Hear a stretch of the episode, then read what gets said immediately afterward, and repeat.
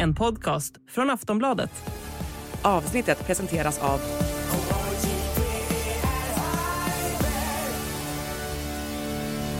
Stödlinjen.se, åldersgräns 18 år.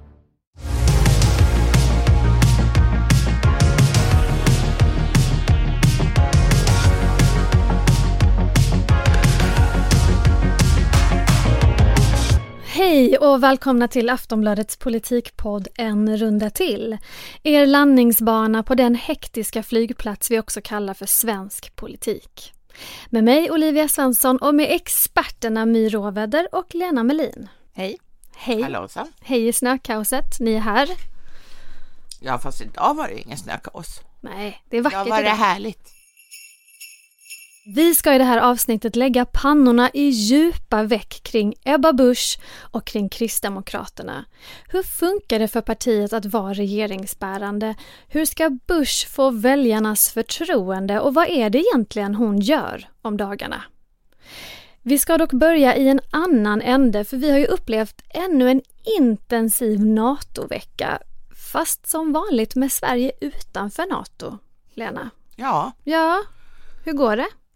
Ja det, det går väl på något vis eh, eh, inte i någon riktning kan man väl säga helt enkelt. Om man säger att det gick bakåt från det att vi lämnade in själva ansökan eller rättare sagt fick den godkänd av samtliga NATO-ambassadörer så har det väl därifrån knappast rört sig överhuvudtaget och det har det inte gjort den här veckan heller. Alla är förhoppningsfulla, alla utom eh, de när, Turkiet då och eh, på, på något vis fäster ett stort hopp kring ljuspunkter som visar sig vara irrbloss. Men Jens Stoltenberg har ju varit här nu i veckan. Ja. Har han eh, kastat något nytt trevligt ljus över vår process? Ja, men han säger samma sak som hela tiden. Sverige kommer att bli medlem i NATO. Frågan är typ bara när. Alltså just i detta nu så är det ju så att det är Ungerns parlament och det är eh, Turkiets president Erdogan som bestämmer när detta kommer att ske. Båda länderna måste ju säga ja och den som säger det sist, det är den som bestämmer vilket datum som gäller.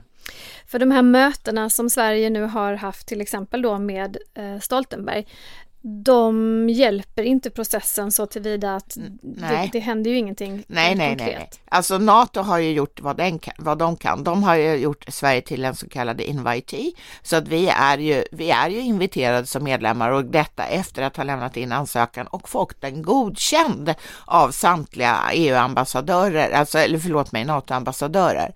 Så att alla länder har ju redan sagt ja. Därefter ska det här godkännas av samtliga medlemsländers parlament och detta har skett i 28 av 30 medlemsländer. Men Ungerns parlament och Turkiets parlament har inte sagt ja. Ungerns parlament har då sagt att de ska göra det under den här vårsessionen och den började den 27 februari och avslutas någon gång i juni eller juli.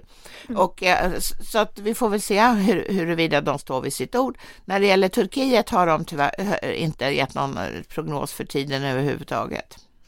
Nej, och My, du har ju uppfattat att vår regeringsretorik har förändrats lite grann vad gäller NATO. På vilket sätt? Ja men först vill jag säga att det är ju lite som att när Sverige, det börjar bli lite ängsligt här så skickar de Stoltenberg som en liten så här glamorös touch-up. Han är lite lugn- glamorös. Ja absolut, för att lugna sådär. Han får säga samma sak om och om igen. Han får ha, ha lite presskonferenser, han har gjort jättemycket media faktiskt, tycker jag, när han har varit här den här gången. Statsminister Kristersson, käre Ulf. eh, Tusen takk for denne muligheten til igjen å møte deg her i Stockholm. Eh, nej men jag tycker att det som har hänt är väl att man spelar ner allting som går att spela ner nu. Att man började med att det var superviktigt att Sverige och Finland gick hand i hand och sen så kände sig Finland lite, ska vi beskriva det som nedtyngda Av av sitt grannland. Eh, och jag sa att det kanske inte, då blev det plötsligt inte så viktigt att man gick hand i hand. Eh, och sen var det superviktigt steg då att man skulle återuppta de här förhandlingarna och sen så var det kanske ett litet arbetsmöte i Bryssel. Det kanske inte var ett så superviktigt möte i alla fall. Att det finns liksom en tendens att vara lite för ivrig i steget och behöva, behöva spela ner det som händer. Men jag skulle faktiskt säga att det här arbetsmötet i Bryssel är ganska viktigt, för det, det betyder ju att, så att säga, det förekommer personliga relationer igen mellan de här tre länderna, som, eh, alltså Sverige, Finland och Turkiet. Och de har ju då officiellt avbrutits tidigare av, av Turkiet. Så det, det, det är ju på något sätt ett steg i rätt riktning, även om det inte är något särskilt stort steg. Sen skulle jag också vilja påpeka att den här, vi tror ju att det här är end of the world och det har aldrig gått så dåligt för något land att gå med i NATO. Nej, så är det absolut inte. Det, det, det går skitfort än så länge. Jaså? Ja, ja, det, så här fort brukar det inte gå. Det kan man ju höra Stoltenberg säga ganska mm. ofta. Ja, det piggar ju upp lite grann. Men hur, frågan är hur imponerade svenska folket är av takten. Eh, Medieakademin gör ju en mätning varje år där man mäter vilka institutioner som svenskar har förtroende för. Regeringen har där rasat från 50 till 34 procent. Det är dels det största raset bland alla institutioner. Det är dels den största uppmätta förändringen efter ett regeringsskifte. Och då är min fråga, hur mycket av det raset skulle man kunna skylla på NATO-processen? Eftersom vi aldrig har velat bli medlemmar förut så kan det ju i alla fall för oss upplevas som att det är en trög process.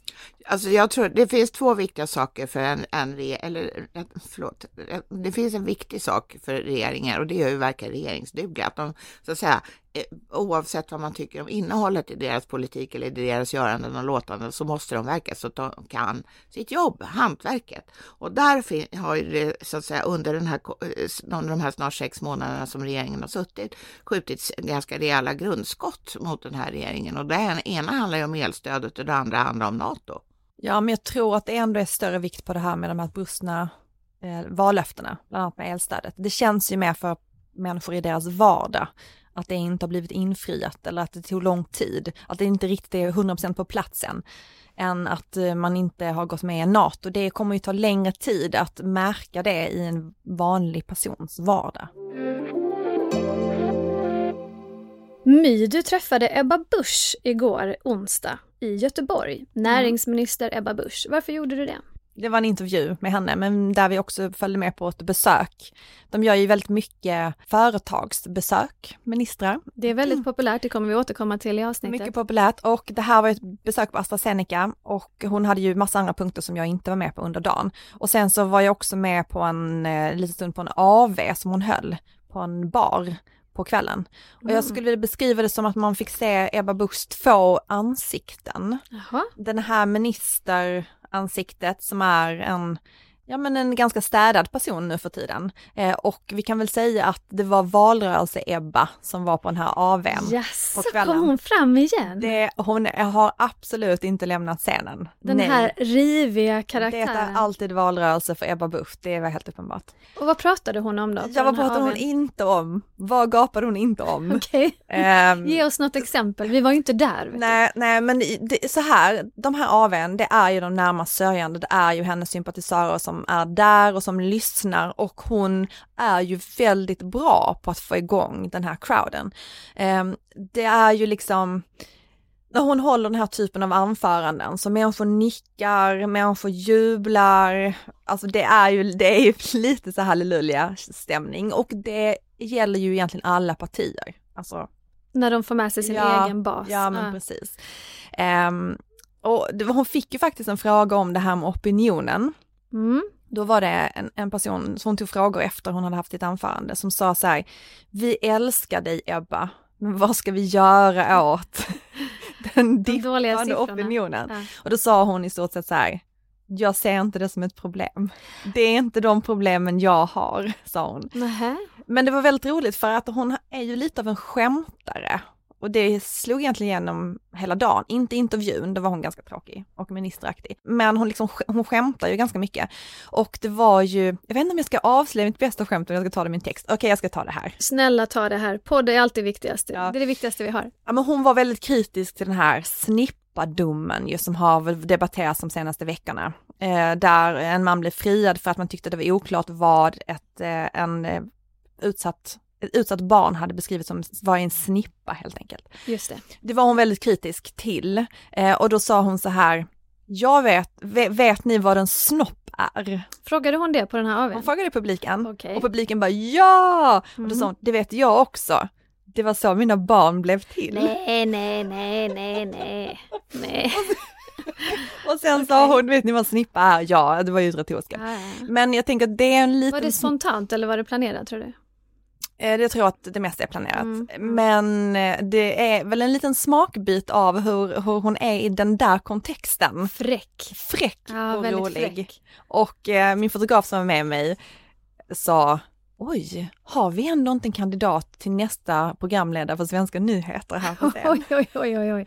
Ja, men hon, det, det, har, det håller ändå ganska hög klass, hennes humor, även om den här, det här var ju lite underbältet kanske. Men det var ju inte ens kul måste jag säga. Nej, det var inte superroligt, men det var så Men kallat i fräckt. kontexten, Mm. en kristdemokratisk publik och slänga ur sig en sån fräckis. Ja men då är det, Det ju var ändå ja, men roligt. roligt var det i alla fall inte. Nej, alltså humor är ju också en, en smaksak kan man väl säga. Det kanske funkar jättebra hos hennes crew som sagt. Men jag tycker det är ändå intressant. Siffrorna för Kristdemokraterna är ju också dåliga. I en mätning från SVT Novus som gjordes förra veckan så hamnade de till och med under riksdagsspärren, KD, för första gången sedan 2018. Har hon ingenting att säga om de här dåliga siffrorna och det dåliga förtroendet för regeringen? Nej men här hade hon inte det. Hon tyckte inte att det var hennes problem utan det hon återkommer till det är ju det här, eh, hon sa ju också ett annat skämt. Att eh, om hon skulle skriva en självbiografi så kanske hon skulle kalla det för de förlorade tre terawattimmarna. Och det är ju det här retoriken de har att eh, Socialdemokraterna har svindlat bort tre terawattimmar av el och att det är därför man måste bygga ny kärnkraft. Så det är ju det som hon hela tiden kommer tillbaka till, som det landar i. Att det är hennes stora problem, det andra är liksom bara fluff runt omkring. Men nu går ju inte snacket om huruvida den förra regeringen misslyckades med elfrågan, utan hur den nya regeringen har misslyckats med Ja men det är precis det som den här nya regeringen inte vill prata om. De vill mycket hellre, Nej. överraskande nog, prata om vad den förra regeringen gjorde. Och då ställer jag frågan till dig här Lena. Mm. Bör Ebba Busch som varande näringsminister ta på sig något ansvar för de dåliga förtroendesiffrorna för regeringen och i så fall på vilket sätt? Ja, hon bör ju ta på, sig sin del för, av ansvaret för regeringens eh, tapp i den här förtroendebarometern. Hon bör ju absolut bry sig om att det, hennes parti ända sedan valet har legat under sitt valresultat i våra mätningar. Och eh, förra eh, månaden låg de på fyra, nu låg de lite högre. Eh, det, alltså 4 procent, alltså precis på Just riksdagsspärren. det, i Demoskops Ja, undersökning. Och Mm. så att, eh, för att om, även om hon kanske tycker att det är bullshit så kommer inte hennes aktiva personer i partiet tycka det, utan de kommer tycka att det här är, ett, är tungt att bära, att de, att de back, har backat sedan ett väldigt, eh, sedan det tredje sämsta valresultatet under det här årtusendet. Hur upplever ni egentligen att Ebba Busch hittills hanterar det här dubbla, alltså att vara minister, eh, en viktig minister, ett viktigt eh, område och att vara partiledare för Kristdemokraterna samtidigt? Ja, men hon fokuserar ju bara på ministerrollen. Eh, Hon är ju också, vi pratade lite om det här, hon fick ju kritik i deras valanalys för det här med falukorven, att hon viftade med falukorven som var en symbol för det här med matpriserna, med att man inte hade någon politik som handlade om det. Så att det var liksom ett, en Det är konstigt eftersom hon utnämnde partiet till, till liksom, det, det handlar om privatekonomi. Det var, var ju partiets roll i valrörelsen. Så det, det, det är ju konstigt att då inte ha någon politik kan man också tycka. Ja, det tyckte partiet också Ja, att ja. det var. Mm. Ja. Eh, Och då så när jag frågade henne om det, då avfärdade hon liksom den här kritiken och sa bara så här, jag håller inte med om den här kritiken. Så att hon, det är också ett lätt sätt. Eh, nej men så att hon, jag tror att hennes roll nu är liksom någon helt annan. Och det är ju lite så här det kan bli. Problemet är ju om man har ett parti som det går dåligt för, då måste ju en partiledare också hantera det. Och att det är lite lätt att bli så här styvmoderlig behandling av partiet när man sitter och är en minister också. Samtidigt så har man ju fördel av att man har en plattform och syns. Och det hjälper ju ändå alltid till i opinionen. Det är när man inte syns och har det dåligt som det kan bli riktigt illa. Hur tycker du Lena att det här, just den här dubbelheten, den här dubbla rollen, hur tycker du att den eh, funkar för Ebba Busch hittills? Skitdåligt. Ja, Därför- utveckla tack. Ja, därför att nej, men hon, hon har ju valt, alltså hon fick ju välja vilken ministerportfölj hon skulle ha. Hon har ju valt en som inte är jätteviktig för eh, Kristdemokraternas väljare. Det är ju andra minister, KD-ministrar som sitter på de frågorna. Ja, det, det, får du gärna specificera. Är det vården hon skulle ja, ha valt? Ja, alltså vården är en bredare bemärkelse som då hanteras av två KD-ministrar på, på socialdepartementet. Så att jag tycker ju att det hade varit smartare av henne att göra det än att eh, liksom slå sig in på ett område som hon uppenbarligen inte heller behärskar och det är ju därför hon har hamnat i blåsväder hela tiden för att säga massa konstiga saker på energiområdet framför allt. Life is made up of many gorgeous moments. Cherish them all, big and small, with Blue Nile. Whether it's for yourself or a loved one, Blue Nile's unrivaled selection of expertly crafted fine jewelry and statement pieces help make all your moments sparkle. Blue Nile's experts are on hand to guide you, and their diamond guarantee ensures you get the highest quality at the best price. Celebrate a life well lived in the most radiant way and save up to 30% at BlueNile.com. That's BlueNile.com. Kan vi specificera vad som ingår i Ebba Buschs jobbportfölj just nu så att man får en tydlig bild? Ja, man kan säga att om man vill dela upp det, göra eh, det schematiskt så är det närings näringspolitik, det är innovation och det är energi. Men energi till exempel enligt hennes, eh, hennes egen hemsida på, på, på, eh, regeringen, eh, på regeringens hemsida är ju uppdelat i ungefär 12 underfrågor med allt från energieffektivisering till elgas, sol, bio, massa kärnkraft. Alltså det är ju otroligt omfattande alltså hon har ju väldigt, väldigt, väldigt stora områden och eh, jag tror inte att hon är så bra på någon av dem.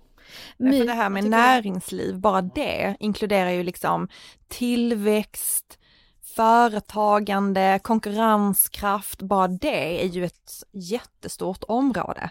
Ja, alltså är portföljen för tjock och fel, My? Jag kan se hur man tänker att den gröna omställningen är väldigt kopplad till energifrågan och att på det sättet, för det är hon också ansvarig minister för ju, och på det sättet så är då näring och energi sammankopplat. Samtidigt så är det ju två otroligt stora frågor eftersom portföljerna eh, är mycket större än bara just det där med den gröna omställningen. Så att det är ju klart, men sen så är det så att det finns ju hela staber också, men det är ju klart att det här är ju väldigt mycket och hon beskrev det ju själv som att det var intensivt och väldigt, väldigt mycket men kul och att hon haft siktet på den här ministerposten redan sedan valrörelsen 2018 och att det var det hon ville ha då när de mm. satt och förhandlade om att kanske sitta i regering redan då. Hon vill inte ha vården helt enkelt. Nej, det vill Nej. ju inte. Samtidigt så måste hon ju prata om vårdfrågor, för, eftersom det är partiets liksom, huvudfråga. Och det gör ju också att hon skymmer sikten för de här andra ministrarna som har den frågan. De blir liksom mer anonyma när hon hela tiden måste gå framför och ta vårdfrågan också. Och då blir det ju som nästan alla partier har problem med att det blir väldigt få personer som är liksom välkända i ett parti och att hon blir typ den enda kristdemokraten som folk känner till. Ja, för vad gäller persongalleriet så känns det som att KD har ett uppenbart problem. Man kan komma på eh, några stycken, eh, men inte jättemånga om man börjar famla efter namn. Och visst, de är ett litet parti, men som du säger My, hade de inte varit betjänta av att ha fler än Ebba Busch som liksom är framme och frontar? Jag tror att det är ganska svårt att, att, så att säga, stånga sig fram till, till att man står bredvid henne. Jag tror inte hon vill det.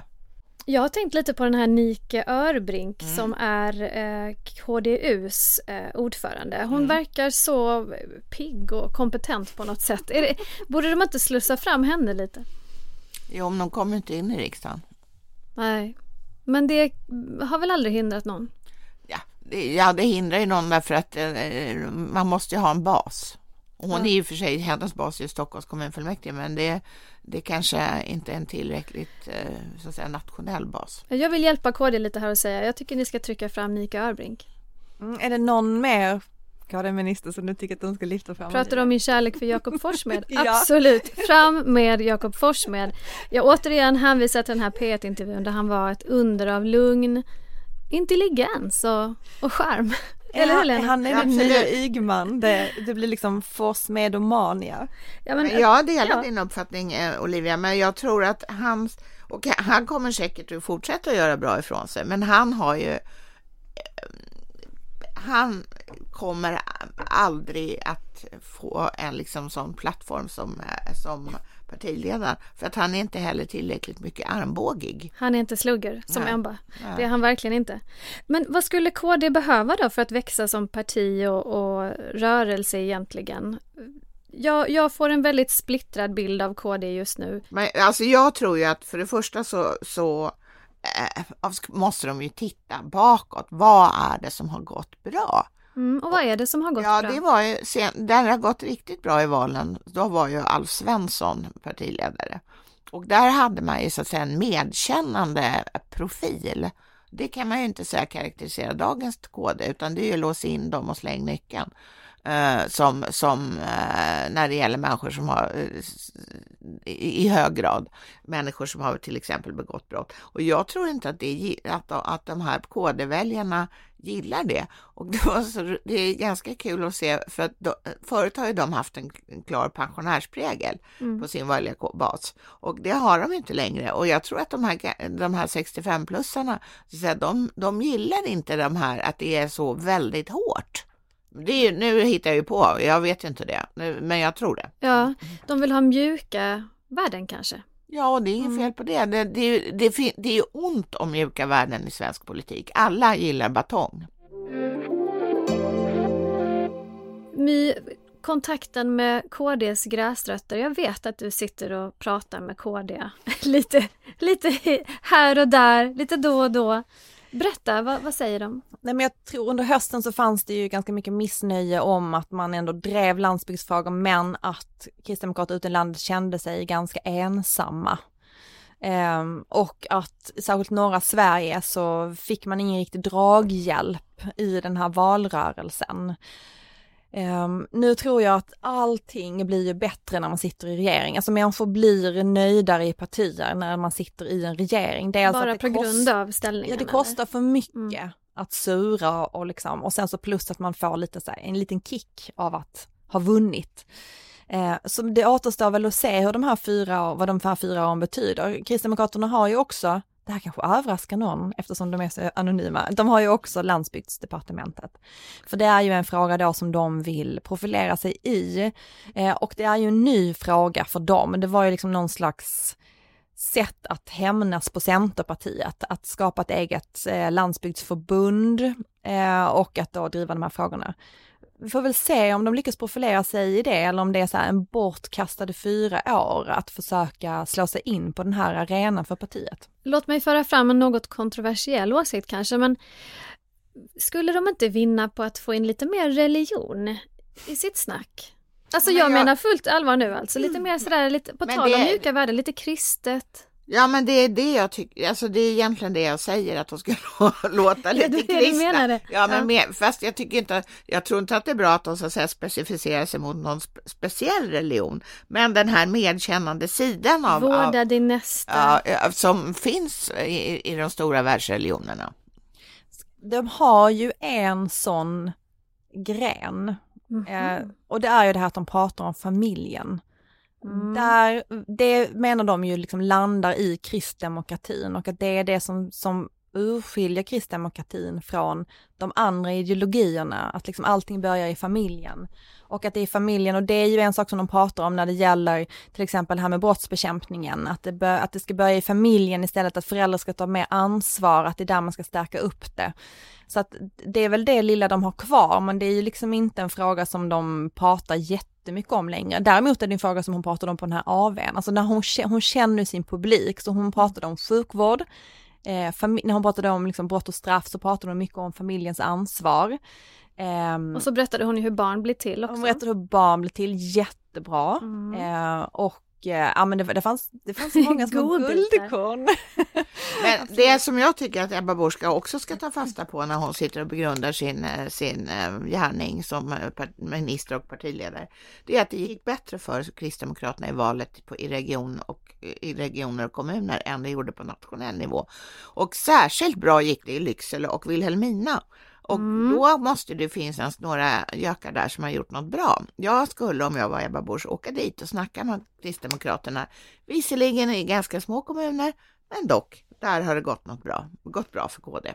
Lär dig av norr. Ja, uppenbarligen. Och, eh, och uppenbarligen så gjorde de överhuvudtaget då eh, ett bättre resultat, eh, alltså om man ser det till, på en nationell till nationella siffror på kommun och regionnivå. Och det eh, efter hon gjorde, alltså man kan ju inte säga att, att Ebba Busch är en latmask, utan hon sliter som ett djur i valrörelsen och 2018 så gav det resultat och det gjorde det inte 2022, alltså gjorde hon något fel då. Det här med KDs valanalys, för vi nämnde ju den förra veckan att falukorven kanske fick hänga med lite för mycket. eh, Men om vi ska höja nivån från charkdisken, vad drar de mer för slutsatser? Drar de den här typen av slutsatser som Lena nu kommer? Ja, men de drar ju slutsatsen bland annat att deras ämne är sjukvård Mm. och att eh, de själva då under valrörelsen inte lyckades kommunicera detta eller föra fram eller föra upp den här frågan på agendan. Och det är ju också då, säger de i den här valanalysen, det enda som gör dem unika jämfört med Moderaterna och Sverigedemokraterna, att om man ska rösta på något av de där borgerliga partierna Mm. så är det sjukvården då som För gör där har de väl haft ut. ett högt förtroende Precis, historiskt? det är ju liksom den frågan som de ändå har någon slags ägandeskap på. Men att man då har fokuserat på annat istället och då fokuserat på, som man tycker i den valanalysen, på frågor där man är svagare politiskt. Så eh, ja, Mer vård, mer mjuka ämnen och mer Jakob Forss-smed skickar jag med då också. Men äh, det man ska göra i en valrörelse är naturligtvis att betona det som man är bra på och så att säga äh, putta i bakgrunden det som man är mindre bra på. Kristdemokraterna gjorde ju nästan tvärtom.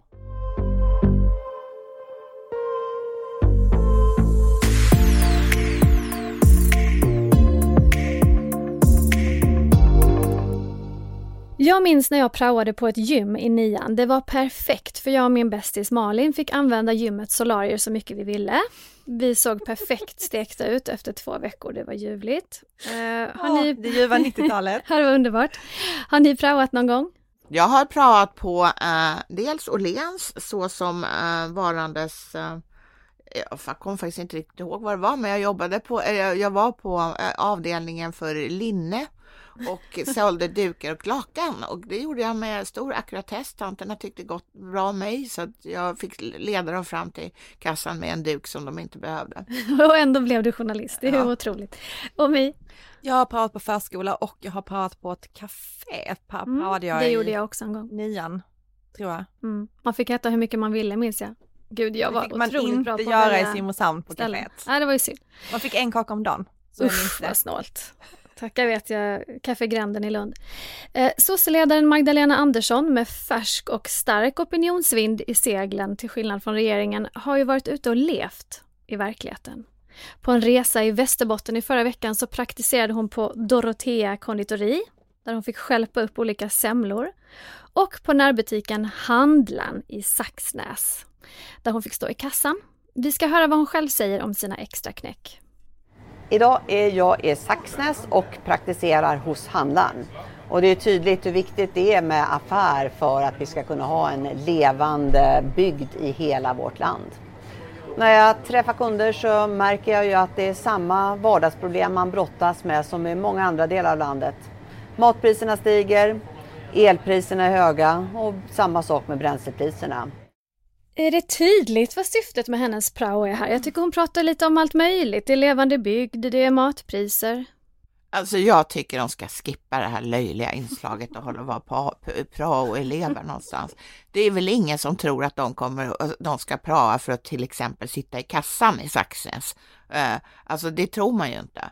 Nej, vad är din teori? Varför gör de det då? Ja, men det är för att man ska fota dem i en miljö där de springer omkring bland lövbergslila eh, i det här fallet då. Och så ska de prata med några kunder och, och lägga pannan i per vecka. Och det där, alltså, det är inte bara Magdalena Andersson som håller på med det där. Det, det gör ju alla mer eller mindre. Och ja. jag tycker det är så fånigt.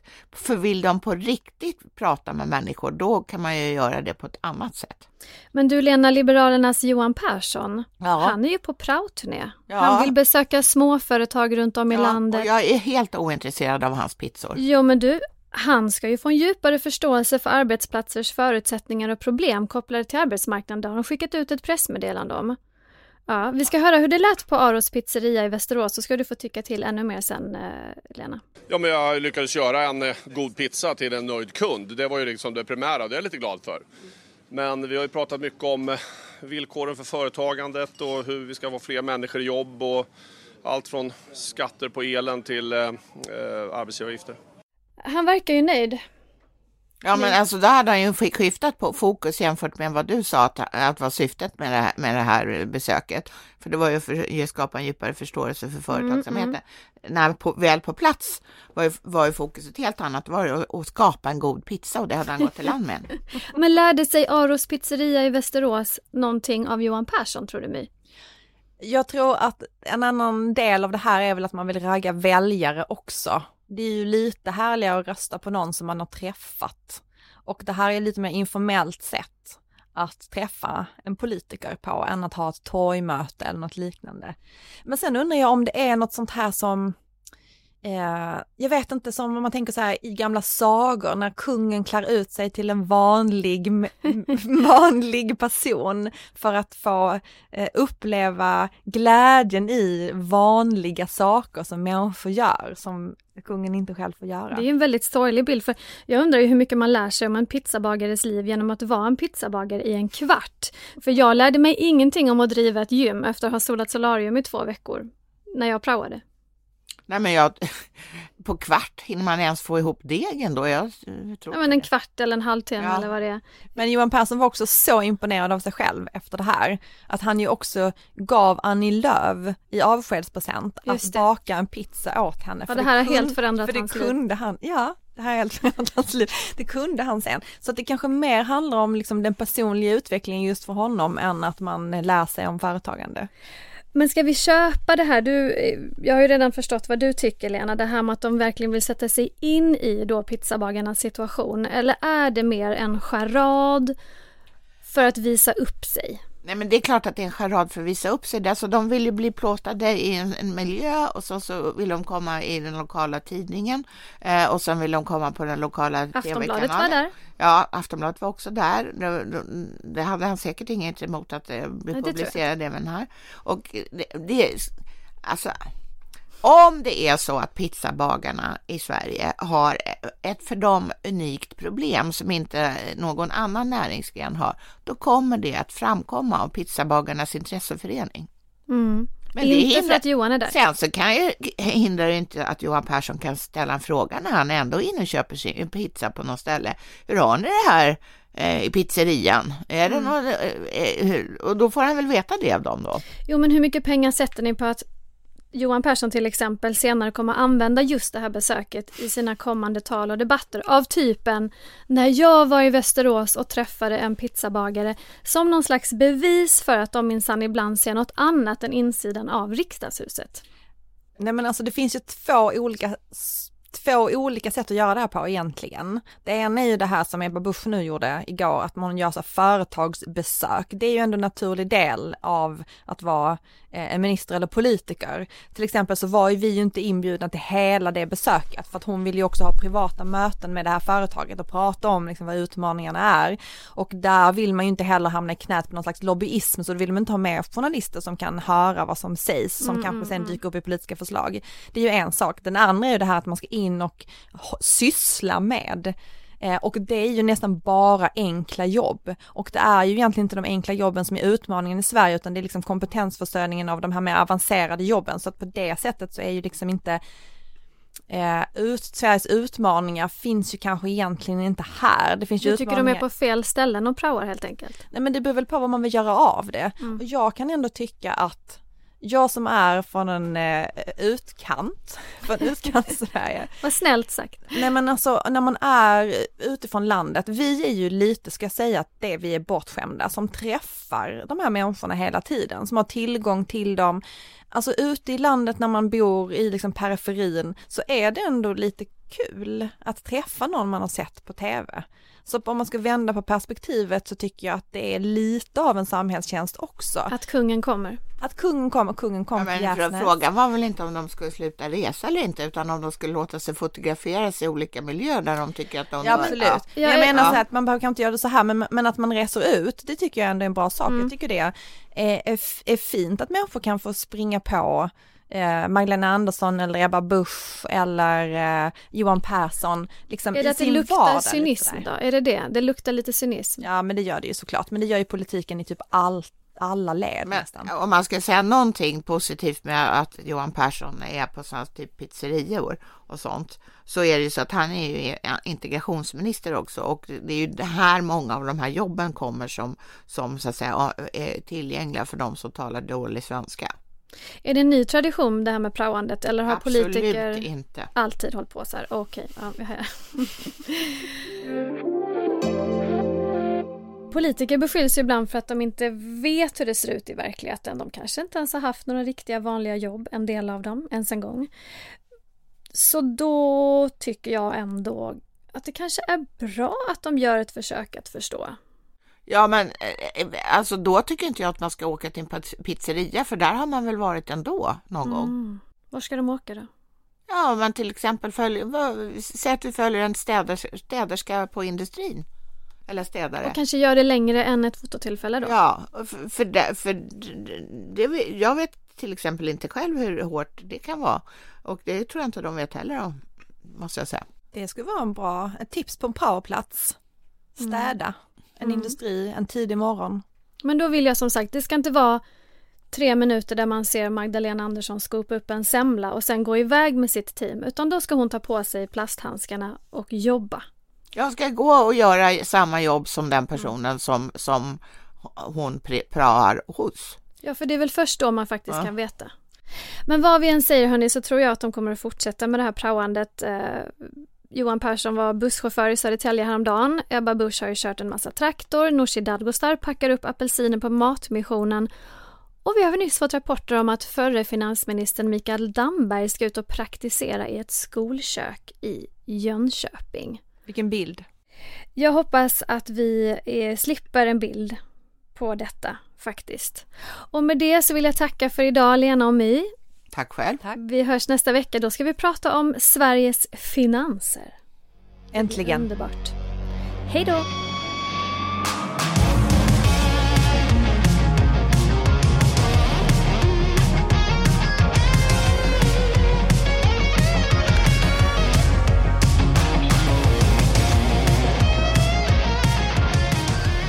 Du har lyssnat på en podcast från Aftonbladet. Ansvarig utgivare är Lena K Samuelsson.